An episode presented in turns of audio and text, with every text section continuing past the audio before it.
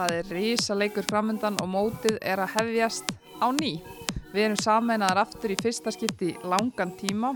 Ég heiti Hulda Myrdal og með mér er Mist Rúnarsdóttir. Þetta er heimaöllurinn.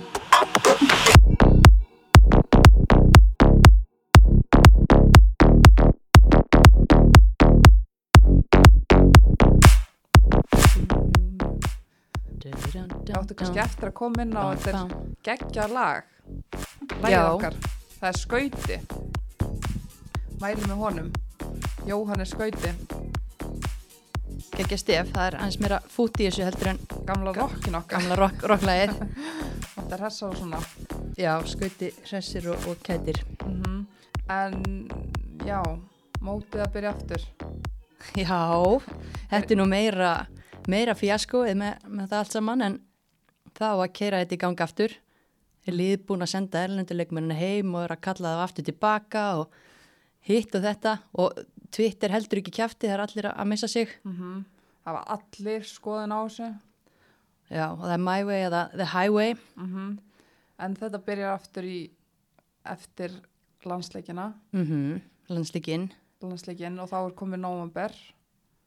Já, það var alltaf vitað að það mætti rúla þessu móti til fyrsta des þannig að, að hérna, við bara búum okkur undir, það og það er skondið að sjá leiktímana sem eru settir á þetta 13.30 á, virkun degi að því að það er ekki allir velli með flóðljós Þetta verður bara, þetta verður bara eftirminnilegu tími held ég. bara fullkomlega í takt við þetta stórfurðulega ára okkar Mhm.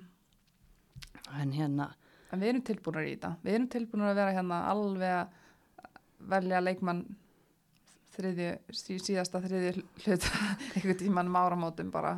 já, já, það er já, bara, þetta er bara, þú veist fyrir okkur er þetta ágætt Mm þetta bara tegir á mótinu og gefur okkur ímislegt til að, að spjallum og svona -hmm. veit ekki alveg með aðra sem koma að þessu en, en við tökum þessu bara Já, förum kannski betur í það eftir eins og hvað liðin þurfa að spila marga leiki þarna á, á engum dögum. já, En hérna, Dominos hefur náttúrulega verið með okkur frá upphafi. Stuttu Ó, bakið já. á okkur alveg eins og klettar og maður finnur, maður finnur ekki eh, betri samstagsala fyrir okkur í knatspindinni og stelpunum. mm, En ég má eiga það líka, ég er mjög trygg Dominos. það er sama, sama hér Þetta er bara að be begja, begja vegu.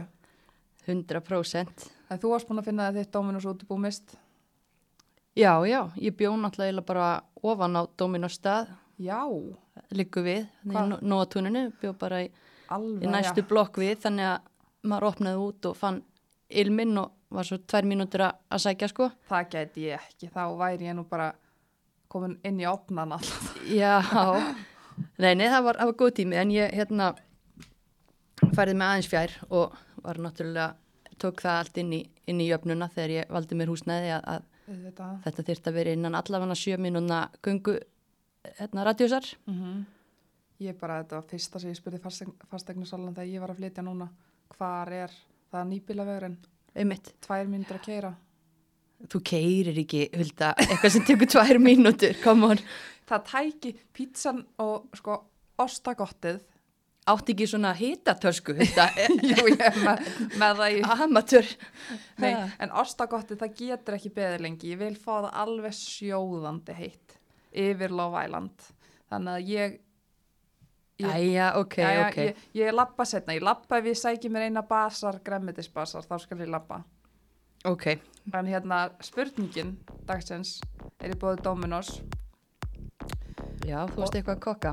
Va, nei, þetta kemur beint frá nýbílaveginum. Þegar ég sótti pítsunni í gerð, þá kom þessi þaðan. Spurningin? Já, en hérna, spurningin frá Dominos er hérna, ertu tilbúin? er, já, já, já eins tilbúinni getur verið Ok, þessi er, hérna, nú er náttúrulega svíjarleikurinn framöndan og svona, hver skoraði eina mark Íslands þegar við komum í fyrsta skipta á EM 2009? já, hérna það var Danny Brynjarsdóttir 2009, sagði Já, það 2009, já, já. 2009, nenni, það var Hólmfríður Magnúsdóttir Ég ætlaði að segja já, það, sorry, þú ég var að hugsa að því þú sagði Svíþjóð og Já. EM 2013 Já, var í já. Svíþjóð en já, Hólmfríður Magnúsdóttir skoraði á móti Fraklandi. móti Fraklandi, sætla minninga Var þetta ekki skalli? Var þetta ekki... mm, Hún kom okkur yfir hérna á sjöndu mínútu, svo töpuðu við enda 3-1, en þetta var... var, ég man ekki hvernig að var, ég var nú á vellinum Já. varstu á vellinum, 2009, í Finnlandi Þarna var ég líklega í útskrift að ferða úr MR bara að gera eitthvað allt annað. þetta var, þetta var Þetta var geggjað tíma. geggja Hjaltalín mætti hann og tók tónleika í hvað, Helsingi og svo vorum við Turku líka og þetta var mikil veisla Mm -hmm. Trúið því, ég var nú bara annars 2017, þá var ég mætt. já, Eða Holland 2017, já, já, já. Þá voru tölvist fleiri sem fylgdi liðinu vendarlega 2009. Hvernig var þetta 2009? það, já, voru náttúrulega tölverð fleiri 2017 en náttúrulega bara harðkjarnar fólkið var að sjálfsögðu mætt Mm 2009 og hérna það var gegn stemning, það var ekkit brjálæslega margir en alveg nóg margir til þess að Íslandingar létu taka vel hérna, eftir sér í stúkunni og svona. Og þetta var mjög gaman. Hvað sagði þetta að verið? það var í Finnlandi og við, ég man ekki Alveg. Tampere, Turku og Helsingi, ég man það nú ekki alveg. Ég var eitthvað um bílalöfbíl, mann við þurftum að gera okkur ferð, fórum til Nokia og okkur fannst það rosa skemmtilegt, svo var ekkert þar ekki einu sinni hægt að kaupa gemsa eða stígvél sko, þannig að þetta var, það var svona ja, góð dagsferð á frítegi en en já, frábært já, og gott mark sem að Hólfríður Magnúsdóttir með skoraði. Ég hugsaði mitt, ég ætla að gera við eitthvað veðmála, ég myndi raka með lappinnar eða eitthvað, þú myndir ekki vita þetta. Ég vissi á myndi vita þetta. já, ég var næstuði samt búin að ruglast. En, en hérna, já, veist gott að þú þarft ekki að raka þau lappinnar hulda, það er að koma vetur. Ekki í dag, en hérna, uh, það eru hundar rakaðar, en hérna, landsleikurinn, landsleikurinn næsti gegn svíum, það er stórt. já, það er mjög stórt og, og sérstaklega náttúrulega eftir þessa síðustu landsleikja hrinu sem fylgdi okkur bjart sinni Mm -hmm. Náttúrulega maður búin að vera svona svolítið á nálum gagvart þessu lið okkar. Það var orðið langt síðan að við fengum alvöru performance en fengum hann svo sannarlega í síðustu leikjum gegn lettum og, og svíum. Og þar eru núna út í Gautaborg, það er endar, þar megi ekki mikið fara út. Nei, en frábær lausn hjá KSI að, að því að það er með ekki efa hérna og allt þetta að senda liði bara í viku saman að nút bara vera saman lausna miðað. Og, mm mjög mikilvægt að mann leist ekki alveg á aðdragandan svona Nei, eins og þetta leit út á köplum en náttúrulega alltaf allt landslægi þessu að breytast dag frá degi þannig að maður veit aldrei neitt en mm en það er svo að leikurinn er á þriðju, þriði dag já, þriðju dag og 17.30 mm -hmm. og við erum náttúrulega með bæði lið, við erum bara þannig á toppnum með Svíþjóð. Já, Svíþjóð. 13, 13 steg eftir 5 leiki en svíjarnir með tölvöld betri markatölur Já, reyndar og það er óbreyttur hópur frá síðasta verkefni Nema, Rakel Hönnudóttir dettur út og Andra Rán kemur inn, það var svona fyrsta. Uh, And, Rakel kannski ekki náðu að festa sig í sessi, búin að spila yfir 100 leiki en svona eftir að Jón Þór kom. Já, hún er ekki kannski fengið mikið af, af sjensum svo sem en samt vond að missa hana í þessu verkefni því að þú veist þó hún væri ekki fyrsti 11 sko að ég held að svona leikmaður eins og hún með alla sína reynslu og, og svona gefið náttúrulega rosa mikið af sér í, í hópin Mm -hmm. En- já, Já, en að því sögðu ef einhver er búin að spila til þess að láta vita af sér og segja hei, ég vil vera með, þá er það Andrea Rán Snæfell, mér finnst hún búin að vera frábæri sumar. mm og hefur verið kannski ekki fengið þá umfjöldun sem hún áskilið. Nei, náttúrulega þú veist, þú ert að spila í liðins og breyðablík, þar sem þú ert með svakalega skittur fram á við sem bara stela öllum fyrirsögnum menna hvernig ætlir þú ekki að fá fyrirsögnum að þú skora þrennu, þú veist Mm -hmm. að náttúrulega varnamenn og, og hérna djúpir miðjumenn blika hafa kannski ég ætla ekki segja liðið fyrir það því þetta er liðið síþrótt en þær hafa ekki fengið náttúrulega eins mikla umfjöllun Er það ekki líka það að hún hefur verið náttúrulega í háskólaboltanum síðustu þrjú sömur allavega? Jú, fyrir utan það og hefur náttúrulega. náttúrulega bara náð kannski tíu leikjum og svo hefur hann bara horfið. Og Steini hefur bara náð að rúlla þessu þú veist, vel. Mhm. en núna er hún búin að spila alla leikina og er ekkert að fara. Ekkert að fara. Og maður spurði sér mitt fyrir þetta tímabil að því að náttúrulega Hildur Antons slítur krossböndarna í upphafum móts og Rakel Hönnudóttir var komin. Uh, Fjóla Sjala náttúrulega í barningarleifi en svo ertu með mitt Karolínu leifi líka og, og maður var svona bara, já, mun Andri að komast í liðið þegar maður horfur á síðustu ár? En jú, heldur betur. heldur betur og bara búin að spila frábærlega og maður sá það rosalega vel til dæmis í valsleiknum núna. Bara hvað hún gerir rosalega mikið fyrir liðið sitt. Horfa hlaupin, horfa vinsluna hvað svæðum hún er að loka. Ég held að fólk að þau bara, þú veist, að taka upp innan leik á stöðu sport ef, að, ef einhver á nóti vill vera bara geggjaður miðjumadur, bara horfa á hana hvernig hún reyfi sig og hvernig hún losa boltan, þetta virka að vera svo ógeðslega innfalt hjá henni, mm hvernig hún sér leikin og allt þetta og þú veist, hún var náttúrulega fyrst valin í landslið þegar hún var, hvað ára hún fætt, hún er 96. já, Ég man eftir henni sko þegar hún var sýsti minn 97, þannig að það spila oft blika, hún var ábyrrandi best.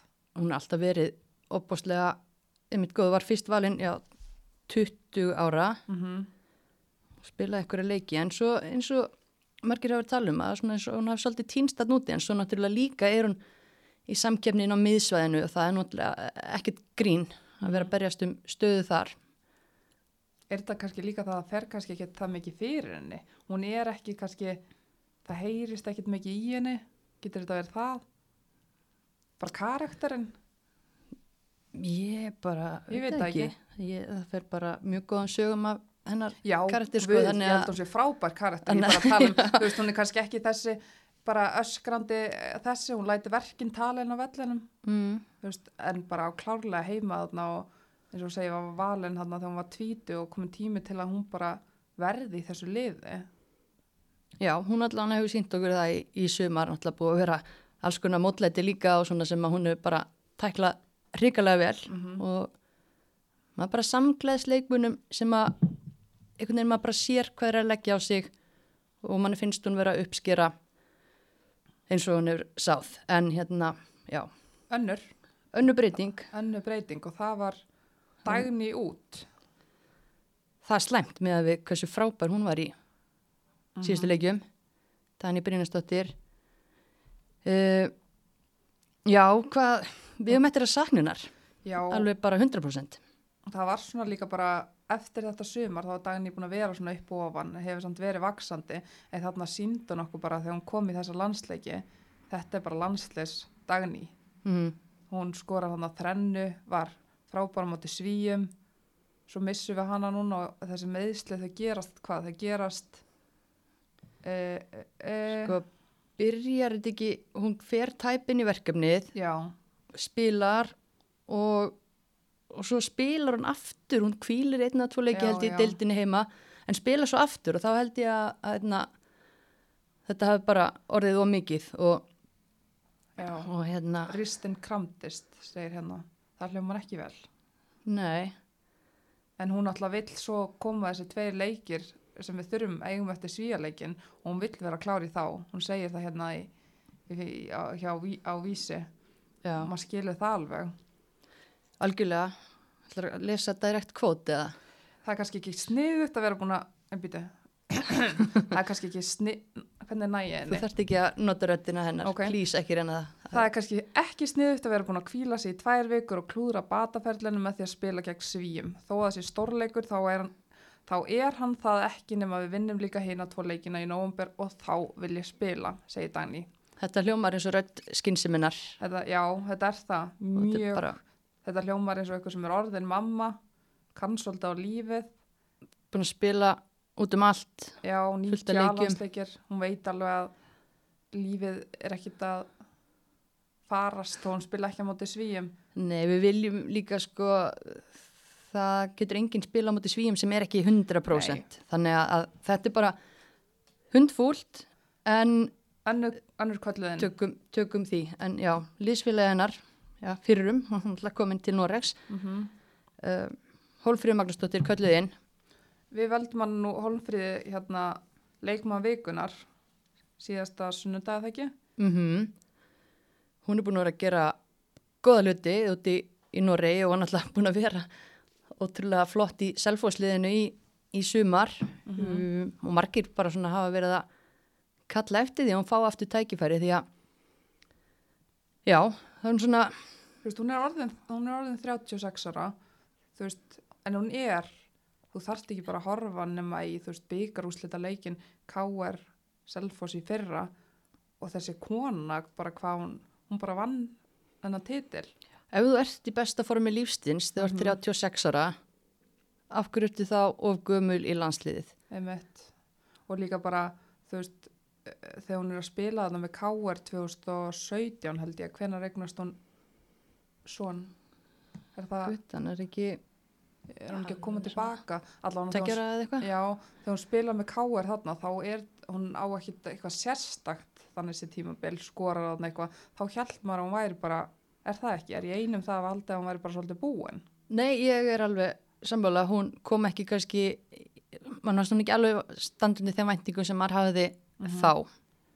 En bara að breytum umhverfi og komast þarna suður á Selfoss, það hefur heldur betur bara, já, hleyft lífi í hana og hún er í frábær formi og bara búin að vera burðar á sér sóknarleik Selfoss, þessi síðustu tvö tímubil. og maður sér hana bara samanborið við sterkustu varnamenn í deildinni. Hún har fullt erend í þetta hún er bara búin að vera frábær þessi tvö tímabil núna. Þannig að maður sér þá af hverju einmitt ætti hún ekki að vera eh, með topp. Já, já, en ég fíla þetta, þú veist að það á ekki að afskrifa leikmenn bara að því að hún er búin að ná okkur um x aldri eða, eða hérna er mögulega búin að ná hápuntinum, þú veist, hún er kannski ekki að fara að toppa sig úr þessu, Nei. en ef hún næra að spila sinn besta leik þá er hún nógu góð til þess. en hvena var hún síðast í landsliðinu? hún var 2017 Já, á EM, að Já, ekki? jú, var ekki leikinn bara hennar? úslita, já, úslita keppnin á EM já. þá er þetta bara einmitt en þarna spyrum við aftur daginn í þetta út og hann kallar Holmfríðin Mm þarna er til dæmis okkur vantar líklegast miðjumann þarna og eitthvað sem getur leist fleiri stöður. Þarna Það er er ansi Rakel mikið af sóknamönnum einmitt, í hópnum. þannig að þá er þarna líka þá er Rakel bara algjörlega hún gefur ekki kost á sér. Það geti verið að hún sé bara eitthvað, ekki sátt við sitt hlutverk í hópnum þarna. Mm Er- Já, já, og, og það er áhugavert að, en aftur á móti þá náttúrulega kemur Andrea Rán inn sem miðmaður Mhm. Og hún er bara miðjumaður. Já, hún er pjúra. Já, og hérna, en svo ertu með leikmenn aðna í þessu liði sem geta að spila marga stöður. Og það verður einmitt fróðulegt kannski við veltum því hans fyrir okkur sko, byrjunleginu, því síðasti leikur þá byrja Sandra í markinu. Hallbera vinstra megin, Glótís Ingibjörg miðverðir, Gunnildur Issa hægra megin. Svo ertu með Söru, Alexandru og Dæni á miðinni, Elinu Mett upp á topp Svindís og Karalínu sikkur megin. Mhm. Uh, gefur auðvitað, Dæni er ekki fara að spila. Svo sér maður á samfélagsmiðlum KSI að Hallbera er bara komin í dómartrefna er hérna farin að dæma leiki þannig að það verið sem að hún sé eitthvað tæp. Já, hún er með eitthvað í kalvanum þannig að við veitum ekki hvort að hún er með í þessum leik. Slæmt ef að, ef að hún er off að því að þú myndir halda þegar þú missir út leikmann, þungavíktar leikmann eins og dæni á miðinni að þú myndir henda þungavíktar skriðdrega eins og Gunnildi Irsu mögulega aftur inn á það svæði mm og tækla þá hæri bakvarastöðuna en hann verðist vera Jón Þór núna eftir allavega hann verðist vera rosalega hrifin að þessum ungu leikmönnum og vill halda þeim ég menna hann setur barbáru þarna inn. Þannig að þú veist það er spurning bara hvort að hún spili í vinstri bakvörðin ef Hallberg verður ekki reddi já, Já, veist. miða við það sem að við höfum séð frá honum þá ætti hún að vera næstarinn. Já og svo einmitt svo en þú veist Gunnhildur Issa á miðjuna en ég held að hann haldi henni bara hæri bak, já, Já. hún er alltaf búin að þú veist, jú, jú, lendi í smá brasiðan á móti svíjum en hún er alltaf seg og solid en það er spurning, viltu fá stríðsmann inn á miðuna og henda henni þangað og þá geti Elisabeth í hæri bak eða Guðni Átna jafnvel í Hafsend og Ingibjörgu til hæri, Guðni tók hann náttúrulega háleikum á til lettum, reyndi kannski ekki mikið á en, en það er alveg leikmaður sem geti verið framtíðar kona hjá okkur. En segjum að Gunnildur Issa haldi bara hægri, hægri bakverðastöðinni sem að er ekki ólíklegt ef að sérstaklega ekki ef Hallberg er átt. nei. Og þá er laus stað á miðjunni. Hvað segir maður þá? Þú veist, þá, með þau hvernig hann er að hugsa þetta þá er hann hrifin af þessu og þá hoppa bara Karolína þarna inn á miðuna já, En- hann alltaf með tvær glórhungraðar í hlín og öglumarju fyrir utan sem að veru klárar inn á kantin en En mér finnst samt ef ég var að Jónþór, þú segir að þetta er útileikur á móti Svíþjóð, við þurfum vél þannig að miðina. Karolina Lea, ég get aldrei tala nóg um hvað hún er góð í fótbolta og eins og sást bara á móti Svíum hvað hún getur gert þegar hún er kannski á kantinum meira bara svona pressu, laus að leika sem boltan. Mm. En inn á miðjuna þú þart bara, þú þart mannætu á móti Svíþjóð og útvelli. þú veist, já, hún er ekki mannæta, nei, en hún er tæknitröll Ég þannig að, að það hefur hún. en það er spurning, en þá ertu líka að, að basically að binda söru ennþá aftar og ennþá fastar á, á völlin Mm kannski er það allt í lagi í þessum leik að hún ætla bara geggjaði leitói og djöblast og, og sér leikin vel og getur svona já, fjárstýrt svolítið í kringu sig Þannig að Hlín kemur þá út til Karolín á miðin og Hlín væntalega hægra megin. Hann er með Svendis, hann heldur Svendis í vinstra megin. Það er nú alveg skrifað, skrifað ennið, ennið okkur öllum bara. já, já já, allir það ekki, menn Hlín er náttúrulega búin að spila meira hægra megin heldur en Aglamarja meira vinstra megin en Aglamarja getur talað aðeins um það hvað hún er búin að vera vaksandi á þessu Íslandsmóti Mm Og hún er búin að vera, mér finnst hún búin að vera frábær mm og með að við kannski hvað var að tala um hérna í þættinum hjá okkur, bara hún væri ekki að skila kannski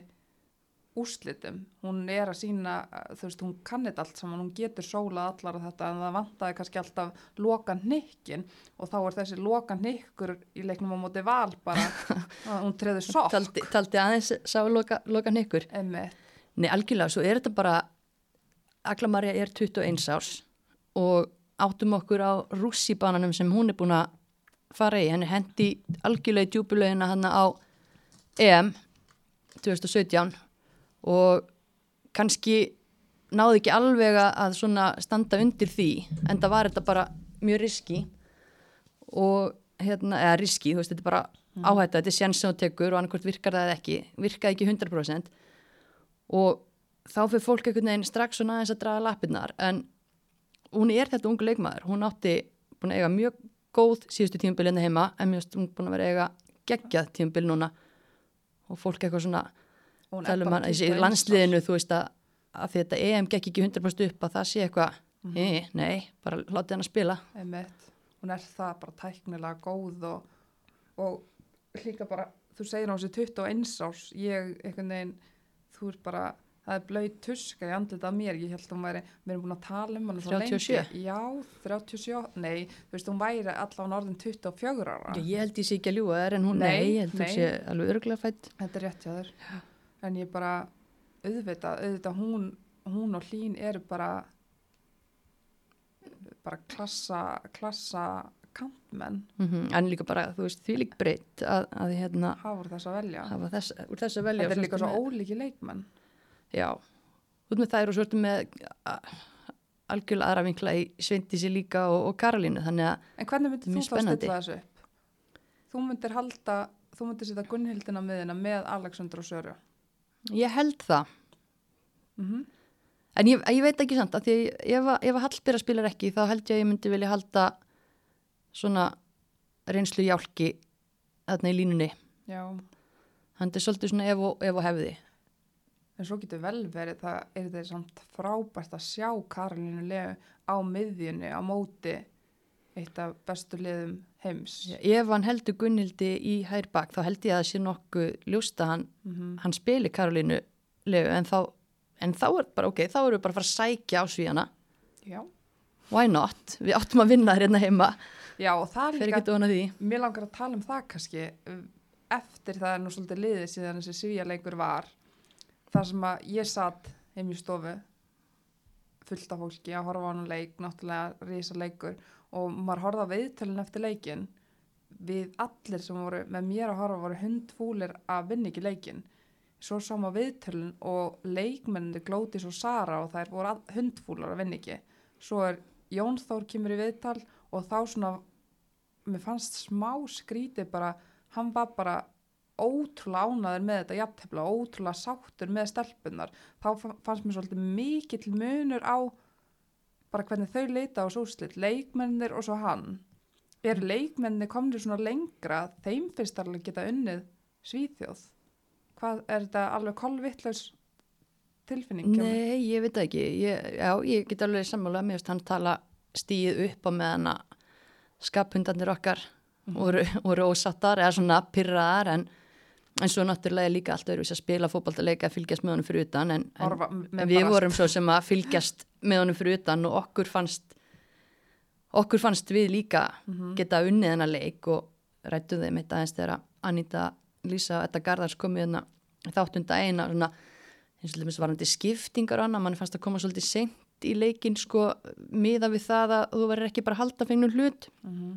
en ég veit ekki, ég held bara allir hafi fattað að sé þarna og, og hvort sem þið trúið því fyrir eða, eða ekki að þetta lið okkar það er rosalega karakter í því og við getum náð úslitum móti hverjum sem er Mhm. Algjörlega og þessar ungu stelpur ef við komum kannski inn á það eftir en bara hvað það er gefa liðinu öðruvísi svona öðruvísi bara spilamennsku með sinni tæknilegu það var alveg komið tími á að, hrista hans upp í þessu liði bara Mhm. flott lið og ekkit út á indaka leikmenn að setja neitt svo leis en mann fannst þetta bara að vera orðið svolítið svona kannski flatt eða eitthvað og þetta var bara okkur það sem við þurftum og það er svo gaman að sjá að með að við þessa fyrstu leiki, ég menna tveir, þrjí leikir, þeir telja nú ekki neitt í heldina en, en með þessa fyrstu leiki þá gefur þetta okkur góð fyrirheit um að þær séu klárar. Mm en já, algjörlega. En hérna, áfram með smjörið. já, en símin þeir vildu koma inn í heimaöllin skiljanlega. Hér vinnur fólk heimavinnunum sína er það ekki? og ennski boltinn er náttúrulega fullu spann á símanum. Mm 3 og 5 það er bara það er gjöf og þannig að ég í fullri vinnu að fylgjast með því og mm. mínu fólki í Love Island. Já, og, og svo er venjulegt fólk að dettin líka á síman þannig að það lítur út fyrir að ég verði bara eh, komið eitthvað tíman til leiks bara eftir jól. Já, en þetta er allt topp, eh, ég veit ekki með lofælandi já, Þú ert það er það eftir, en, en venlegt fólk, eh, gott stöf, mm. lofgóðu mm og hérna tölun ekki um enska boltan, það er svona, þú verður að fara að horfa á Love Island mist er það, já, já, ég bara þetta ég ætla aldrei að horfa á okkur svona. Nú er ég bara alveg, alveg límt ætlaður aldrei, mér veistu ekki búin að tala um annað en Nei. lofælandi síðan ég kynntist þér Nei, ég lendi í Love Island í einangrunni þannig að eftir COVID-ið. Mm. þá lendi ég inn í smá Love Island svona búblu og það er alveg bara já, Já, þetta er búið að vera Love Island ár svolítið að mér. Þú heldur því bara áfram, ég detti venlegt fólk, Íslands sjónsefni, Já. Mm. En við ætlum að velja hérna nokkur atvik í bóði símans. Hverju, þú veist, ég er með hérna eitt. Mm Úff, vikunar Ég bara vissi ekkert annað þegar ég sá leikjaplanið hjá KR já, ég fór með plan. bæninnar ég sendi ömmu, ömmu mörlu á skaganum bara, hún situr ennþá í bænastöðu fyrir komandi leikjum hjá KR Það er fá fjóra leiki á tíu dögum. Uh, það var alveg vita að þetta er þið grimt en þetta er kannski ekstra grimt og mér var svolítið gaman að, eða gaman, sorglegt að lesa Twitter hérna hjá Þórdísi Hrönn, sástu það? uh, nei, Hún skrifar, það er ekkit verið að flækja november innansvega afmælis mánuðin hennar, eitthvað mikið. Work og vinna á landsbítalurum, læra fyrir fimm klásus lokaprófi HÍ, fjóri leikir og tíu dögum í Pepsi Max til að berjast fyrir áframhaldandi sæti í dildinni. shit, Vonandi komast á klósettið í frítímanum. hún kjænst ekki á klósetti Nei. en það er eiga, ok KR er í uh, fallsæti, það er með tíu stig Mm það er sjö stig í örugt sæti, sjö stig og það er eiga eftir, ég ætla bara þú veist, ég ætla bara að spyrja þig hérna Mhm. nær káar að halda sér uppi það er eiga eftir Þór Káa vinna þær Þór Káa Sko, það er ná ekki að halda sér uppi af því að það er eiga bara þessa leiki, það er eiga fjóra leiki eftir. það Og- er tólsteg Já, en það er einn af þessum leikjum eru blikar. Mhm. Með fullir vinningu, þá vinnar ekki blika. Er eiga svo þrjáleiki eftir, þá nýju stig í pottunum sem að þær gætu getu unnið alla þá Já, leiki en þær vinna þá ekki alla á tíu dögum Mm, ekki svona með við hvernig þær eru með þrjá sigra e, í 14 leikjum Já. þá eru þrý sigrar í þrem leikjum þá eru það bara það bara meikar ekki sens Nei. þú veist, bara endilega afsanniða mikið væntum KR, ég finn svo til með þeim eftir þetta hrikalega ár í sótkví en ég bara, ég sé ekki að þetta gerist. Það eru meðslegar leikmennina sem eru frá út tímabili eða búið senda, senda Angelu heim, hópurinn er ekki þjættur eða þjættur, ég veist, hann er ekki fjölmennur. Nei, og mér þykir það ótrúlega leiðilegt en það væri kraftaverk ef það tækist. Þannig að sorry Hulda og félagar í KR ég held að þetta sé ekki séns. Já ég held að sé svona löngu löng, löngu ráðið. Eða þú veist, þetta, er, þetta var eiginlega bara ömulagt sumar. Skrifaði martraðar skíin bara hana. Já, og ég minna liðin sem komið upp FH þróttur, þróttur með átjónsteg fymta sæti. Já en þú veist þær voru í fallseti fyrir þessa umferð þannig að þetta er bara þetta er í rauninni frá þriðja sæti og niður að níunda. Nýjunda er bara opið, það er bara partí. Og hérna þróttur getur ennþá fallið, stjarnan getur ennþá fallið. Ég held að uh, stjarnan fellur ekki. Ég held að þær klári líka móti með sína erlenduleikmenn Mhm. þróttarar voru búin að senda einhverja heim en það er að koma aftur tvær þeirra.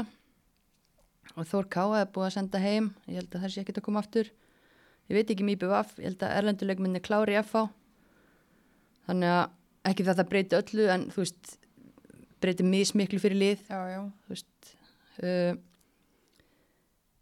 þannig að hvaða lið fara niður með káir hvaða lið fyrir neður sko, já. já, þetta er alveg pínu hausverkur en FH sko IBVF á KR heima eftir og ég sitt í síðustu umferð. Mhm. Og IBVF á Selfoss úti. Já, ég get alveg trú að IBVF myndi vinna KR heima FH á val þannig að það er bara sama á áðan bara sorry, það er alltaf mikil geðamunur á þessum tveimu bestu liðum landsins. Og fylki. Og fylki úti, fylkir er að berjast um þetta þriðasæti en þær hafa svo sem alveg verið mistækar og, og tapa fyrir liðum kringu sig. FH er búið að sína það að, að þær geta unni fótballtaleiki og, og gert vel sko en ég held að IBVF vinni káur og þar að leiðandi verði FH og káur en hvað heldur þú? sko með þetta sem varst að segja það var bara vel gerst. Ég var mér svíður í hausin að horfa á þetta hérna. Ég það er náttúrulega líka þú veist veistu það ég ætla bara að býða ég ætla bara að býða og sjá. En það er Já, alltaf já. að þetta er ansi þetta er bara, ok, þetta er bara ómögulegt hjá KR og svo er það bara einmitt hvaða prógram er. F á á ekkert sniðugt prógram eftir. Nei, Og en er- þær geta alveg geta náð, náð einhverju á móti fylki held ég. Er það þá ekki vonbreiða ár í hjá FH? Ég meina með að við fyrir móti þar sækja Sísi og Andreu mist. Ef ekki bara að láta móti klárast? Jó, af jó, því að, jó, að, því að sko með að við bara hvernig þetta er þá er þetta bara klár vonbrið fyrir liðin tvö sem mun falla og hín verða bara að glöða þetta sé búið. En sumar. Hvað finnst þér um hugmyndina sem að Máni Pétus kastaði út á Twitter um daginn að hérna fellur engin, móti blásið af og bara tóliða deild. á næsta ári. Hvað ertu þar? Nei. Þetta Þetta er ekki bara, nei, þetta er bara, þetta er bara tíulega deilt og nei, það held ég ekki. Ég verð að heyra þessi mána með þetta. Þetta er ekkit sem að, En, en sko, og hann talaði enda líka um að þetta væri ekkit endilega eitthvað sem þurfti að vera til framtíðar, heldur bara til að finna sem sangjarnastan endir á þessu já, bara þessi móti. móti, mm af því að þú veist, það eru líka skekkjur í því að ef að lið uh, þurfa að láta leikmenn fara, þú veist, þá kemur bau, nei, okkur er að láta það fara, þið vissu þetta er langt mót, bara eitthvað nei, það voru bara gerðir ákveðnir samningar, sumir sömdu fyrir COVID, aðrir eftir COVID, sumir leikmenn er að fara út í skóla, áttu samt að klára tímabili hérna með við eðlega forsendur, þú veist, það eru alls konar svona svona vinklar í þessu, þannig að Mér finnst alveg pínu ljótt að vera seima lið fyrir að Mm ná ekki að halda leikmönnum sínum eða Þetta er bara allt náttúrulega bara stór skrítið. Það er náttúrulega bara mótið hefði verið hægt núna, hefði verið gaman fyrir breyðablika vinna þetta svona og, og bara FH bara fallið og getur ekki einu svona barist fyrir því. Nei, það er glata sko Þannig að þú veist, við klárum allavega þetta mót og stór skrítið en, Já, en hérna, nei, nei, en þú ætlar að fella hugmyndina smána ég, ég, þetta er kannski bara fyrir, bara til að gera þetta sangjant núna, ég veit það ekki, en svo er bara allir, allar deildir er í þessu, þessum pakka hérna á Íslandi. Þannig að þú veist, allavega að fjölga allstar til að hafa þetta allt sangjant. Já, nei, það eru náttúrulega vantilega ný kvennaliða að fara að vera með næstu tímubili Hver eru það? það má ekki segja neitt. En hérna, Heyri eftir þáttinn. já, já. Slökkum og upptökum. En uh, þar að lendi myndi fjölga þá og það var einhverja pælingar um að spila það bara eitthvað þrjafalt í annar deildi eitthvað en allavega, nei, nei, mér finnst þetta bara samt fínt að fólk hérna hugsi í lausnum og já, já, það var líka bara svolítið skondið að skoða svona hverjir lækuðu fæslunar og, Mm og hverjir ekki Já, En- þetta, þetta skiptist í fylkingar. Já, ég held. Alltaf bara alls konar hagsmunir bóði eða í húfi Mm -hmm. og ég menna, skulum ekki gleyma að heldur að það er líka alveg hagsmunir fyrir okkur sem erum í fjölmiðlum að móti klárist þannig að, Mm þannig að hérna, það er ekki dóðurlegt að, að fjölmiðla fólk sé svolítið að hamra á, á þann stein sko. Mhm. En ég valdi hérna, þetta er nú bara, þetta er annað, Zoom, Zoom æfingvikunar. já, já, við erum ennþá í atvikunum. Já, já, já, Það var langt atvik. já, en það er hérna náttúrulega Valur, það er meistaradeildin, Valur spila leik þar í byrju nómber við finska liði. HJK Helsingi. Mm -hmm. Það er hausverku fyrir Bjötur. Já, Leikmenn, leikmenn með ekki að æfa saman. Hluti af, stór hluti af liðinu úti með landsliðinu náttúrulega. sjö leikmenn. Gæti þú veist að fara í sótkví. Já, ég hitti nú Pétur á föstudaginn. Þá voru stelpunar að æfa og þær fá þá bara stráka til að vera með þeim á æfingu og eru með margar náttúrulega efnilega líka sem að er að koma að með þeim þannig að þær eru alveg með breiðan hóp en þetta er skrítið að hafa ekki allan, allan hópin sinn. Já, en þú veist, enn og aftur, bara hvað er ekki skrítið við þetta ár? Það er þannig, en, en HJK Helsingi, hvernig líst þér á þennan drátt fyrir hönd valskvenna? Eh, Er þetta ekki sama liðið og hverjar, hvaða lið mætti þessu lið bara Sko, breyða? blíkar spilu, það er alveg komið 14 ár síðan, Já, já, það er mjög land, þær eru líklega, en blíkar unnu, unnu þá 2-1, já, Ólína Viðars með fyrramarkið og, og Greta Mjöll með vinnir í uppbóta tíma, ég var að googla þetta. einmitt. Fandís nokkur Friðriksdóttir kom þá inn á sem varamæður, lítill sætur unglingur. Mm og hérna hún getur líklega ekki komið með punta um liðið, það eru vantalega orðnir úreldir en, en hver veit? En þetta lið, þetta hefur ekki, ekki, er þetta ekki liðið þriðja eða fjórðasæti í deildinni? Ég þekki það ekki, þar hafa verið sígurstælista liðið í þessari finsku deild en svona, ég held að sé ekki alveg upp á sitt Besta. allra, allra besta en það er ein þetta- í hópnum, finska landslýshópnum held ég. eða, það er á skrítið að því að það eru bara held í tveir erlendi leikmenn í þessu liði Mm. en já, Ég held ég að lesa þetta eitthvað starf. já, það getur bara vel verið, þetta snýrist líka um já, hvort að það eru dregnar á móti þessu liði eða færisku liði það hefur nú líklega kannski verið auðveldari mótari en, Já. en þetta er vel geranlegt fyrir okkar konur í, í val Mm Bara vonandi náðar allavega einni æfingu. það er betra Já. Það verður leiðilegt að fara í gegnum einmitt bara upp uh, tilfærslur og svona, tilfærslur? Er ég orðin svona riðguð? tilfæstur, Uppspill og fleira fæslur bara. Færslur, já, já. í gegnum Zoom. Um, já, en það er hægt Já, það er hægt. Zoom-æfingar, vonandi bara tekst þetta, við erum jákvæðar fyrir því. Ég fulla trú á, á því að það sé búið að mastera Zoom æfingakennsluna á hlýðarenda Heldur betur, en það eru fullt af tríóum sem hafa orðið bara heimstækt í fótbolta. Ástuldur, Olga og, og hver, hver var með þeim aðna?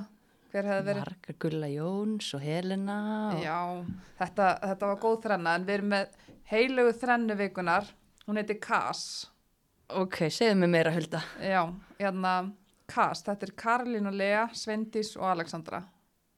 Þessar þrjár hversu langt geta þessar hjálpað okkur að ná og hvað hafa þær? Ég meina við horfum á leikinu mútið Svíþjóð og þessar þrjár hafa eitthvað sem að við hefum kannski ekki séð mikið áður. Og við byrjum kannski á Karolínu. Hún hefur spilað núna þrjá landsleiki skorað eitt mark. Mm og þú veist, fyrsti leikurinn hennar var á móti Finnum 2-0 en hvað mist þessi stelpa hún er 19 ára gömul hún tók snúninga þarna hún lék sér með hana Magdal, Magdalenu Eriksson eins og keilu. -hmm. af hverju hefur ekki séð meira af svona að fólk þóri þessu? Að því að þetta er ekki eins auðvelt og það lítur út fyrir að vera. Uh, hún er náttúrulega ótrúlega leikin með boltan og það sem að henni dettu stundum í huga að gera er alveg ótrúlegt og það sem hún getur framkvæmt er ennþá magnara og það er náttúrulega síni það að, að hvaða karakter hún er gætt að koma inn á í, í þessi verkefni og þóra bara einmitt að taka leikmann eins og mandalinu reynslubólta Eriksson og og bara leika sér að henni mm -hmm. mm, þannig að hún er klárlega komin með ekki bara grilla tækni heldur mikið þór og sjálfstrust Er það ekki? Það, það er, mér finnst þetta kannski, við hefum átt kantmenn sem hafa kannski verið að keira meira varnirnar og svona, maður hefur ekki séð mikið að tryggsum kannski. En Þú ert hrifin að Já, ég er algjör tryggsakona, en ég Mhm. meina þarna er þetta svo, hún, ef þú tekur eitt, eitt snúning til hægri og fer til vinstri, skilur, þá er bara þá ertu búin að opna svo mikið fyrir Já. hinna og þig, þannig að og vinna stúkuna greinilega alveg, allavega í stigarhlíðinni þannig að þú veist hún er cool, hún þorir, hún þorir að gera mistök og það er kannski svona sem að já, ungi leikmenn geta lært af henni að þú veist, það er í lægi að gera mistök bara halda áfram að taka triks já og bara markmiðsetningin hennar er líka já, mögnuð. Það er trúlega gaman að sjá pappinar henda á Twitter um daginn bara hvað, eitthvað sem hann hefði risað upp í íþróttasálfræði tíma í mentó, bara um, um það að akkurat í oktober 2020 ætlaði hann að spila aðlandsleik hvenar setur hún sér þetta markmið? Ég er ekki, ég, ég veit að ég mann ekki alveg en, en hérna, segið, hún er bara með hausinn alveg á, á réttum stað og hérna, nei bara toppklass mm -hmm. Sveindís, tveir landsleikir tvei mörg, hún er tilbúin. Þú veist hefðu þú nátt að vera valin fyrr?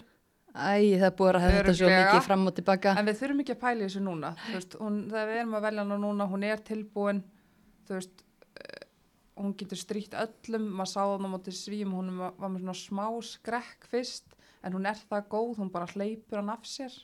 Já, náttúrulega bara með ótrúlega líkamlega yfirburði, svo ótrúlega sterk, ótrúlega fljót og er bara alltaf að bæta sig meira og meira, verða meira alliða leikmaður og náttúrulega búin að, þú veist, allast upp mismunandi hlutverkum bæði á mitt keflavík, breðablík, yngri flokkunum, yngri landslið, hún er ríkala góður varnamaður, er að fá að vera meira sóknar með með blíkum í, í sumar og náttúrulega bara með alls konar svona X-faktora sem okkur hefur vantað og bara það hvað hún getur sprengt upp með, með hraðanum. Hún er líka tæknilega góð. Mér Auðvitað. Mér finnst alveg bara, mér finnst líka við hana, það er eins og hún fatt ekki alveg hversu góðun ég, þú veist, svona, og ég leiknum átti svíðu, hún er svo mikið krút, hún er bara þannig, skilur, þetta er alveg indislega stelpa. Og ég, ég bara þóri ekki að hugsa út í það þegar hún fattar hvað hún er ógeðslega góð. Ég held hún sé farin að kveikja. Já, hún, henni grunar það, örugglega, hann grunar það, en þú veist, þegar hún fattar hvað hún er ógíslega góð og spilar bara full af sjálfströsti, hversu góð verður hún þá? Haltu þér. Já, já, hún, hún á bara eftir að halda áhorm að, að bæta sig en ég held að hún sé alveg svona þokkalega farin átt að segja á því en hún er búin að vera valin best í báðum eða fyrst og öðrum þriðungi af, af hérna uh, já, heimaöllinum og náttúrulega bara átti íslenskar fyrirsagnir eftir þessa landsleiki báða þannig að Já, þetta er svona og að hann er farin að gruna eitthvað. Hún á Já. eitthvað þátt í þessu litli kall. Þetta er svona eins og fósbræðra sketsin en hérna Alexandra, getur hún orðið einn besti viðumæður heims? engin pressa Alexandra. Um, já. Mér finnst það. Hún er tvítug. Hún að Sjö- spila aðeins fleiri landsleiki en, en Karolína og Svendi svona ári eldri. Þó ekki meira en það já, sjö landsleiki, tvö mörg er náttúrulega búin að vera stórkostleg öll sín ári efstu deild, Fyrst, fyrsta tímabili sitt með haugum, þar sem var í bara erfiðu hlutverki í nýliða liði. En mér varst hún leysa sitt frábærlega þá og svo náttúrulega bara þurfum við ekki að ræða síðustu tvö tímabili og blikunum, hún hefur fengið verðskuldið aðtigli Mhm. Og hún skorar alltaf, hún skorar, hún hefur skorað yfir tíu mörg uh, síðustu tímubill með blikum eða sí, eh, núna og ekki núna en jú, hún er komin upp í, hvað er hún komin upp í? bara, ég veit ekki. Ég er ekki með þetta fyrir mig Allavega í fyrra. Og þú veist líka bara hvað hún hleypur baráttan og yfirferðin á henni og líka það sem að kannski við hana sem að mér finnst eins og mér finnst bara vanta inn í svolítið landslið er að hún leitar alltaf af sendingunni fram völlin, bara hvernig hún snýr og hvernig, þú veist og hún Mhm. er lúmst tæknilega góð og þessi leikskilningur og easy, já, þetta finna þetta? Ég hún er með tíu, já, tíu snuttur Mhm. en já, þetta var skemmtileg heila, heilug þrenna hjá þér Hulda. Verður þessi heila þrenna spil á Íslandi næsta sumar eða? Um, þær eru ekki komna með umbásmann allavega ma maður sá það það er, það er, það er einhver að reyna að klófesta þar eðlilega, mm þannig það að er um umbósmann og, og tilbúð og svona, en hvað heldur þú? Guð, ég veit það ekki, hvernig verður COVID? Bara, þú ert kannski ekki að fara að svara því. Ég er ekki bara að svara því uh, en mér, mér finnst en þess ég menn ég held að það skipti ekki í neinu máli úr þessu. Maður bara sér að samböndin er að takla hlutina á mismunandi máta og, boltin er að rúla allstaðar mm eða þú veist á, þessum líklegust áfangastöðum þannig að ég held þetta COVID sé allavega ekkert að fara að stoppa þér sko. Nei, ég held allavega að þess að þrjár geti vel spila bara í góðum liðum úti og bara einmitt, já mikilvægt fyrir landsliðið og, og þær að taka bara næsta skref. Þær eru það góðar. Mm En þetta var heila þrennan og ég geti komið aftur með eitthvað góða. Já, þetta er skemmtilegt, halda þessu inni heilig þrenna, ég skal taka næstu En þá er það heilög þerna, kvartett vikunar, dómara kvartett, kvartettin sem dændi vels færiðar. Af hverju hlærið þú? Nei, bara því að tríó, kvartett, hvað er næst kvintettin, Já. en já dómarkvartettin, geggjaður Mm Bríett Bragadóttir, Leiti hann. aðaldómari mm Rúna Kristín Stefánsdóttir og Eitís Ragnar Einarsdóttir aðstofadómarar og Bergrós Lilja Unudóttir varadómari Mm flottar konur sem að við eigum hann með, með flautur og flögg Algjörlega. Og bara gaman að sjá þær allar í þessu verkefni saman. Já, ég vissi ekki að þetta staði til þetta komið svolítið skemmtilega óvart þegar ég sá þetta á vefnum hjá KSI Já, ekki vissi ég það. Ég bara fagnaði þessu. Já, þetta er frábært hafa þær lengi, eh, ég meina eins og Bergrós, hefur hún verið að dæma lengi? Ég held að þetta sé bara fyrsta sumarið hennar sko í KSI verkefnum. Bríett og Rúna Kristín náttúrulega mikli reynsluboltar. Eitís Ragnar búin að vera allavega 2-3 tímabil, að stimpla sér vel inn. Og jú, ég er nokkuð viss um það að hún Bergrós Lilja sé að dæma í fyrsta skipti í sumar því að hún er náttúrulega fyrirvændi leikmaður og hún er líka með lítið barn og svona þannig að já, ég sé ekki alveg að hún hafi haft tíma og, og það hafi farið fram með manni heldur sko. Mm En þá þau segi þetta, þá er gaman að segja frá því að Bergrós, hekla, hekla, hekla, hekla, okkar fólk, kontu og reynslögt eins og þau segja, en hérna, kannski hefur Bríett sagt það við hérna, hanna Bergrósi. Það, það voru saman í, í þrótti. Já, gæti vel verið en hérna Heklan, hún er svo svo til fyrirmyndar þegar kemur á öllu og það er, þú veist alveg hvað ég er að tala um, við höfum valið þetta oft áður. Það er sérst bara leikmaður sem er með allt á hreinu eins og bara hekla. Já, Bergrós Lilja Unidóttir fekk tilbyrningar og, og er hekla vikunar. vel að þessu komin. Þú Mm. þekkir kannski meira til hennar, hún er, Já, ég er svona, ég þjálfaði Bergrósu þegar hún var lítil hnáta að hefja knaspinu ferilinn og, og hérna hún spilaði lengi með þrótti, unglinga landslískona, fætt 97, spilaði ykkur að 90 meistarflokksleiki, fór aðeins í val á tímabilu líka, en hún lendir í því að hún þarf að hætta vegna höfumeisla og svona gerði tilhörn til að koma aftur í fyrra en það bara svona gekk ekki alveg upp. En hérna fyrir staðin að dæma sem er frábært við viljum bara fá fleiri fyrirmyndir sérstaklega hvern dómara fyrirmyndir þannig að stelpur sjáu að þetta sé fyrir alla ekki bara kalla nei, og hún líka sem að hefur spila leikin eins og þú segir, yngri landslískona 90 leikin með þrótti, hún kann leikin. það er svo mikilvægt að, einmitt, með mikinn hérna, mikla reynslu svo reyndar er pappina náttúrulega er hérna mikill dómara snillíkur eini maður sem hefur gefið mér guldspjald sem leikmanni. Hver er það? Steini Þórsteinn Þórsteinsson Já, þannig að ég er ekki ennþá búin að fyrirgjána það. Fyrir hvað var það? það fyrir kjaft, trúir þið upp á mig? Nei, það, það þarf ég að fá skrifilegt. já, ég hef, já, ég held ég hef ekki tuðað síðan þá, það var alveg hárétt hjá honum. Ákveð, það var leðilegt ungl- unglingur hann í markinu. Já, þú varst, já, þú varst í markinu náttúrulega. Já, já, alltaf að tuða. En ég hætti því þarna, en hérna, aftur að Bergrós, bara frábært að sjá hann í þessu og hún er líka bara búin að standa sér ríkalega vel. Það er ekkit ástæðilösi að hún sé að fá þetta stórt verkefni svona stutt eftir hún fer inn í, hérna, inn í þetta allt saman. Og ég er búin að sjá hann að dæma og aðlega vera línunni nokkru leiki í sumar og bara búin að gera það mjög vel. Vel gert. Mm Vel gert Bergrós, þannig að þetta...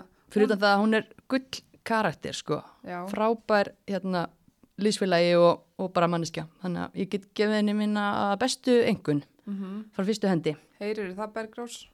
Það er bara vel að þessu komin og bara geggjað að hafa svona fyrirmynd. Mm En næsta og Ríkó, þau eru með okkur og við erum náttúrulega öll först heima eins og bara svona og þannig að netverslun hefur kannski aldrei verið betri hugmynd en við komið inn á það en það er að koma nóvumber og það er að koma jól.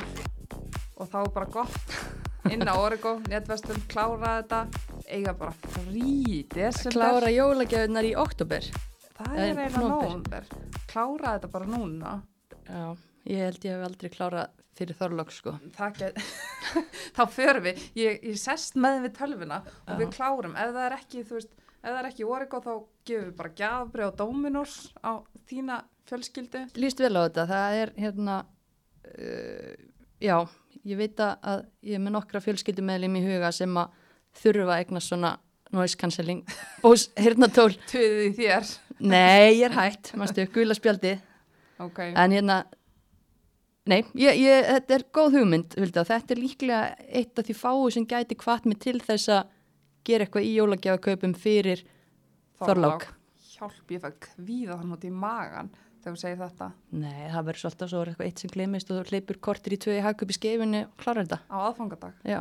Úff, ég gerði það reyndar í fyrra og ég var alveg Rakel Hönnudóttir kom náttúrulega og gaf okkur jólagjafaköpa tips hérna, mannstu fyrir ári. það var að panta netinu Aha, já, þannig að við glemtum því þanga til núna. Þetta er, þetta er frábært. mhm Rakel Hönnudóttir getur kvita undir vefverslununa með þér. Já, en hérna við ætlum, það er topp 5 listin í bóði Oregon og þar sem við vorum að tala svona þessum landsliðið mikið, það er rísaleikur framöndan, þannig að við erum með 5 leikmenn sem eru næstir inn í liðið og við vorum, við fengum náttúrulega fullt af, við settum þetta á Instagram, fengum fullt af bara nöfnum þar Mm og við svona erum búin að blanda þessu sama við það sem að fólk sagði, það sem að við höldum og það sem er svona líklegt að gerist.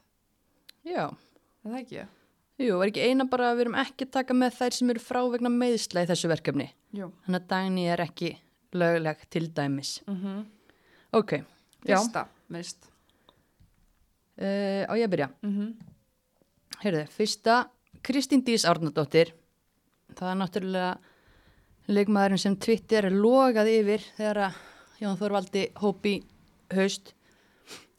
Mikið bent á markatölun og varnarleikin hjá blíkaliðinu og, og, hérna, og bara framistuðu Kristínu Dísar Árnadóttir í sumar.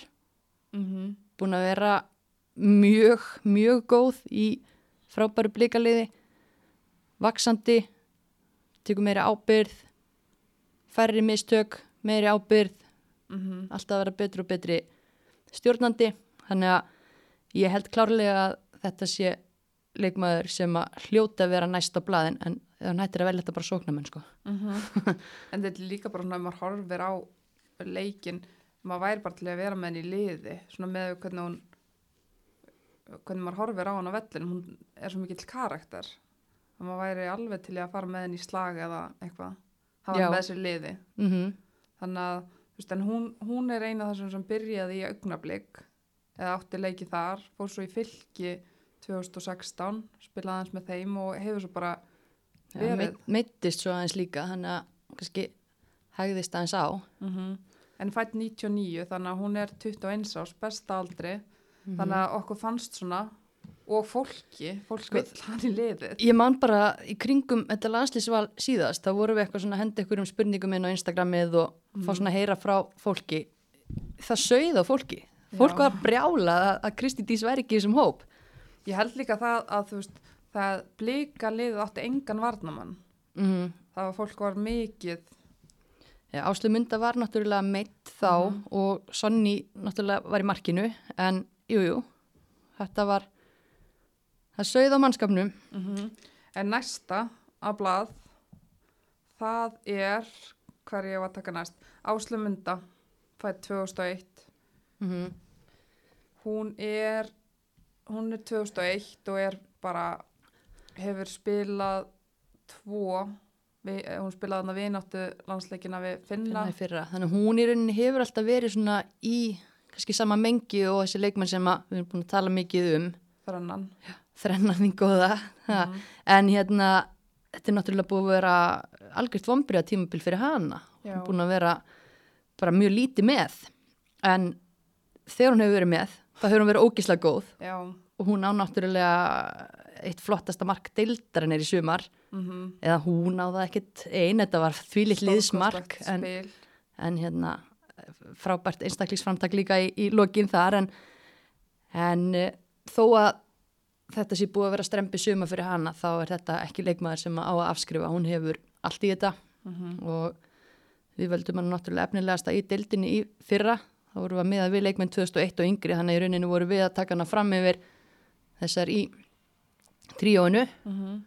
mm, hefur spilað hvað er með, hún er með yfir 30 yngri landsleiki var á Húsavík náttúrulega 2016 hefur spilað með blikum núna síðustu þrjú tímubil mm þannig að þú veist, þetta er bara eftir hún væri í þessum hóp held ég ef hún væri búin að vera heil í sumar og, og spila á svona pari við það sem að hún Getur. hefur gert síðustu tvö tíumbil, það sé ekki spurning þannig að, Mhm.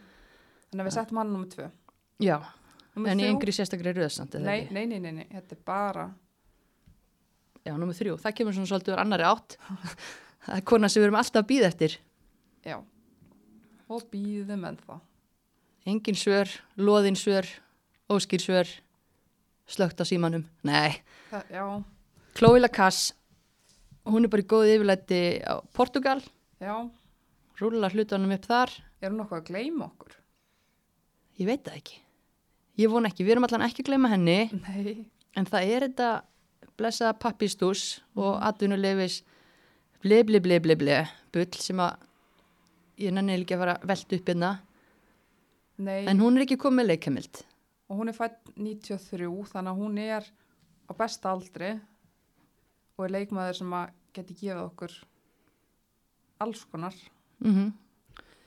og kann að skora mörg þannig að við þurftum að setja hana þarna en þetta er bara, bara, við bara býðum, bara leysið úr þessum pappis, pappisflækjum mm en númer fjögur það er Guðrún Arnardóttir, númer fjör, þetta er yng- í yngri röð, en hún er númer fjör, hérna Guðrún Arnardóttir, hún er fætt 1995, spila með Jürgarden í Mhm. Svíþjóð, þær eru reyndar erfitt hjá þeim, Já, já, erfitt hjá þeim en, en það segir ákveðna hluti um þig ef að þú ert starter og mikilvægur leikmaður í sænsku úrvastildinni mm sem er mjög góð deild. Öll liðin í þeirri deild bara góð, Góð. fótboltaleið þannig að hún svona hefur ekki einhvern veginn aldrei fengið neitt alvöru sjens nei, og hún er þarna, ég meina hún er 25 ára, hún, hún er á góðum aldri, já, en þú veist myndan mm, er þetta er, er hún bara ekkit inn í myndinni? Er hann frekar þá að horfa á þessa U19 leikmenn sem að koma svo bara 2000, 2001 það geti verið.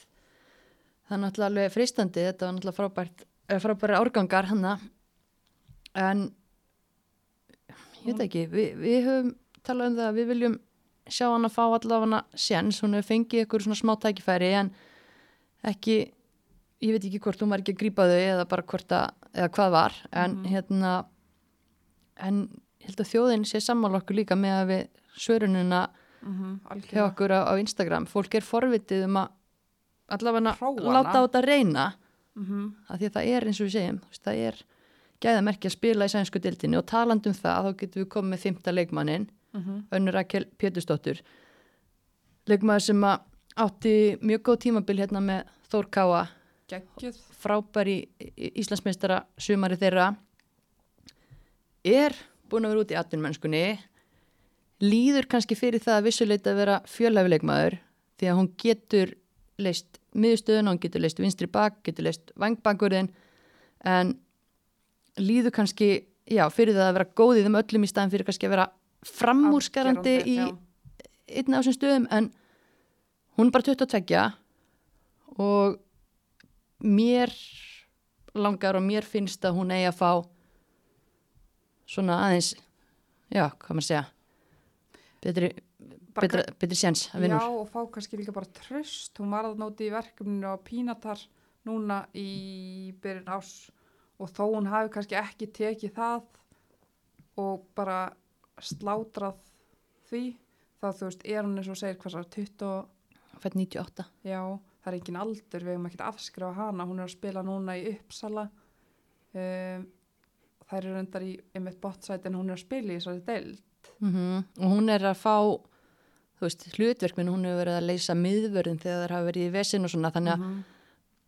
að hérna, já, einmitt fjölhæf uh, en það þyrfti kannski að vera með bara já, skýra pælingu hvar, þú veist, persónulega finnst mér hún frábærin á miðunni Mhm. en hún er ekki eins góð á Sarabjörgjun á miðunni en Nei. þú veist, hvernig getur við nýtt þessa hæfileikanar, því mér finnst alveg klárlega að hún sé, með geggjaðan pót. já. Og bara 20, 20 manna hópur allan 22 manna hópur. Mm -hmm. þetta er ekki, það er allan að væri ofsnemt að fara að loka einhverjum hurðum en svo eru þú veist aðrir eldri leikmenn sem við kasta á milli og ég veit ekki, þú veist að um, Andrea Mist, Lili, Natasja, Berglind Rós. Það er kannski svolítið svona sama þar. Mm Það er, já, þetta er, þetta er eiginlega bara sama einmitt og þú ert að segja, þetta eru leikmenn bara á þessum aldri og Berglind fekk sjansanna pínatar í fyrsta skipti, Natasja kom þá líka, mm en þú veist, eru þetta nógu góðu leikmenn til að vera í loka hópnum?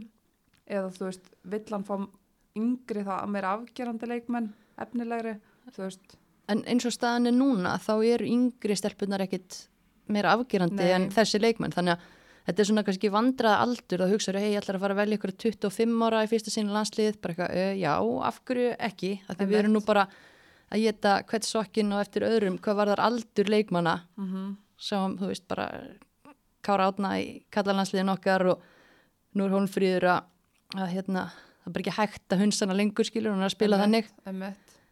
þannig að þetta er bara spurning en þú veist þetta er kannski bara of jæmt Já, þar, þar eru emitt eins og Andrea Mist þú veist, frábær miðjumæður og Berglind Rós búin að vera frábær miðverður hjá fylki þú veist, það, ske, það er svo lítið þessar stelpur hafa allar fengið tilnefningar hjá okkur og fólk vill sjá þarna en Mhm. andanum höfum við bara þessar hvað, 20 bara mismunandi eftir Já. hópum en, en þú veist, já, þetta er náttúrulega bara já, of mm ekki of fá plás, það er bara hörsamkeppni sem við, við dýrkum.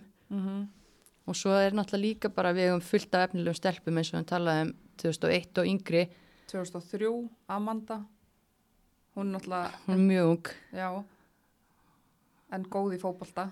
Vonandi verður þarna í, í framtíðinni en mm ég myndi nú segja fyrst að spila með 19 og, og, og meistarflokksfóbalta ég er bara spennt að sjá hann að spila. Já, svo leikmaður eins og Hafrún Rakel sem að var frábær í fyrstildin í fyrra er búin að eiga mjög gott tímabil í, í maxin í ár. Hún er klárlega einhver sem geti haldið áfram að vaksa og, og fara að gogga sér inn. Mm líka leikmaður eins og Hildur Þóra hefur verið frábær í blikum sem hefur verið að spila vel með U19 þannig að þú veist þetta eru, við hefum svakalega marga góða leikmenn. Það eru bara svolítið gaman að sjá svolítið af þessum stelpum sem eru fyrir utan núna næsta tímabil kannski hverjar ætla að skjóta öðrum ref fyrir rass. Mm -hmm. taka aðeins fram úr þetta er alveg við getum örgulega að tala upp svona tíu leikmenn sem að eru bara mjög svona svipaðar. Nálægt í já, nálætti Úf, gott að vera ekki í starfina Jón Já. Þórsmaður einmitt, það er, hann er eitthvað að brasa núna úti fyrir svíjaleikin það, það eru allavega að hafa það gott þar og leikur á þriðdægin, já hann hlustar á þáttin í kvöld, pælir í því svona hvernig við vildum setja upp liðið mm eða slekkur á þættinum. Já, nei, ertu ekki bara bjart sín fyrir þennan leik? Svona, veist pressan er á Svíþjóð öll en, en við viljum þetta og, og við teljum að okkar íslenska lið geti Mhm. fengið eitthvað út úr þessu. Jú, svíjahópurinn kannski orðin aðeins sterkari en þær eru ennþá með reynslu lítinn markmann í markinu og er ekki Blackstenius ennþá meitt það er allavega ekki það að það breyti öllu en, en hérna það væri verra ef, að, ef að Lindal væri í markinu og svona. Mm En við erum líka bara með við síðasta leik það er bara spennt, ég er spennt að horfa. Bara að horfa á triksin Trixin. En hérna, ef við ekki bara segja þetta gott í dag, er það ekki bara? jú, það var bara dásanlegt hulda mín Minnum bara á að fólk að taka þátt með okkur á Instagraminu þar sem við erum að velta fyrir okkur öllu mögulegu. við erum að fara að velja leikmann vikunar á eftir. Mm þannig að já, já, kannski verður ennþá þetta hendin tilnefningum, hver veit. En bara takk fyrir að hlusta og takk fyrir okkur. áfram Ísland